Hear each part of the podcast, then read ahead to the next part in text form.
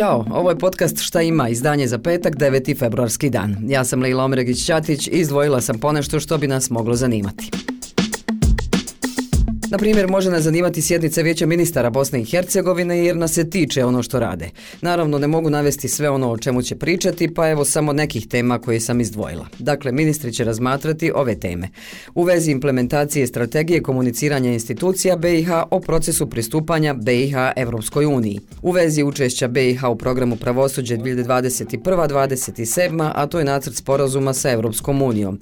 Pa onda i o radu komisije viših predstavnika država nasljednica bivše bivše socijalističke federativne republike Jugoslavije oko sukcesije i zatim i nacrt strateškog plana ruralnog razvoja BiH do 27. Pošto vikendom podcast Šta ima odmara, danas ću za sutra najaviti centralnu manifestaciju obilježavanja 79. godišnjice od oslobođenja Mostara od fašizma u drugom svjetskom ratu. Zapravo je ova godišnjica 14. februara, ali manifestacija je zakazana za sutra. Iz udruženja antifašista i učesnika Narodno-oslobodilačke borbe kažu da su ovim povodom pripremili jednomjesečni program pod nazivom Mostarski dani antifašizma.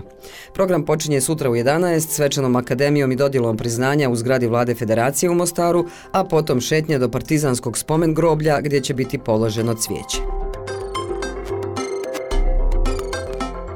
A sad malo u vezi sa obilježavanjem 40. godišnjice od održavanja olimpijskih igara u Sarajevu.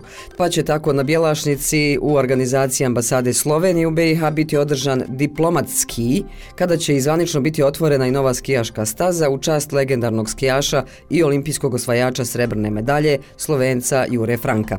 Staza će i ponijeti njegovo ime. Inače, skijašku stazu će zajedno otvoriti predsjednica Slovenije Nataša Pirc-Musar i gradonačelnica Sarajeva Benjamina Karić u društvu Jure Franka Branka, Bojana Križaja i Mateje Svet.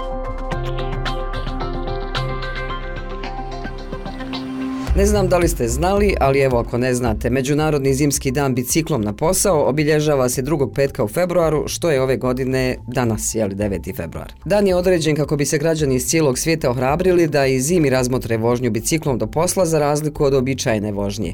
Vožnja biciklom na posao je vježba koja poboljšava zdravlje, a i okoliš. Recimo moje kolege Mahir i Ermin, kad god mogu dođu na posao biciklom? Električni romobil. Na romobilu, a ti si Maške na biciklu? Ja sam na biciklu. I na posao?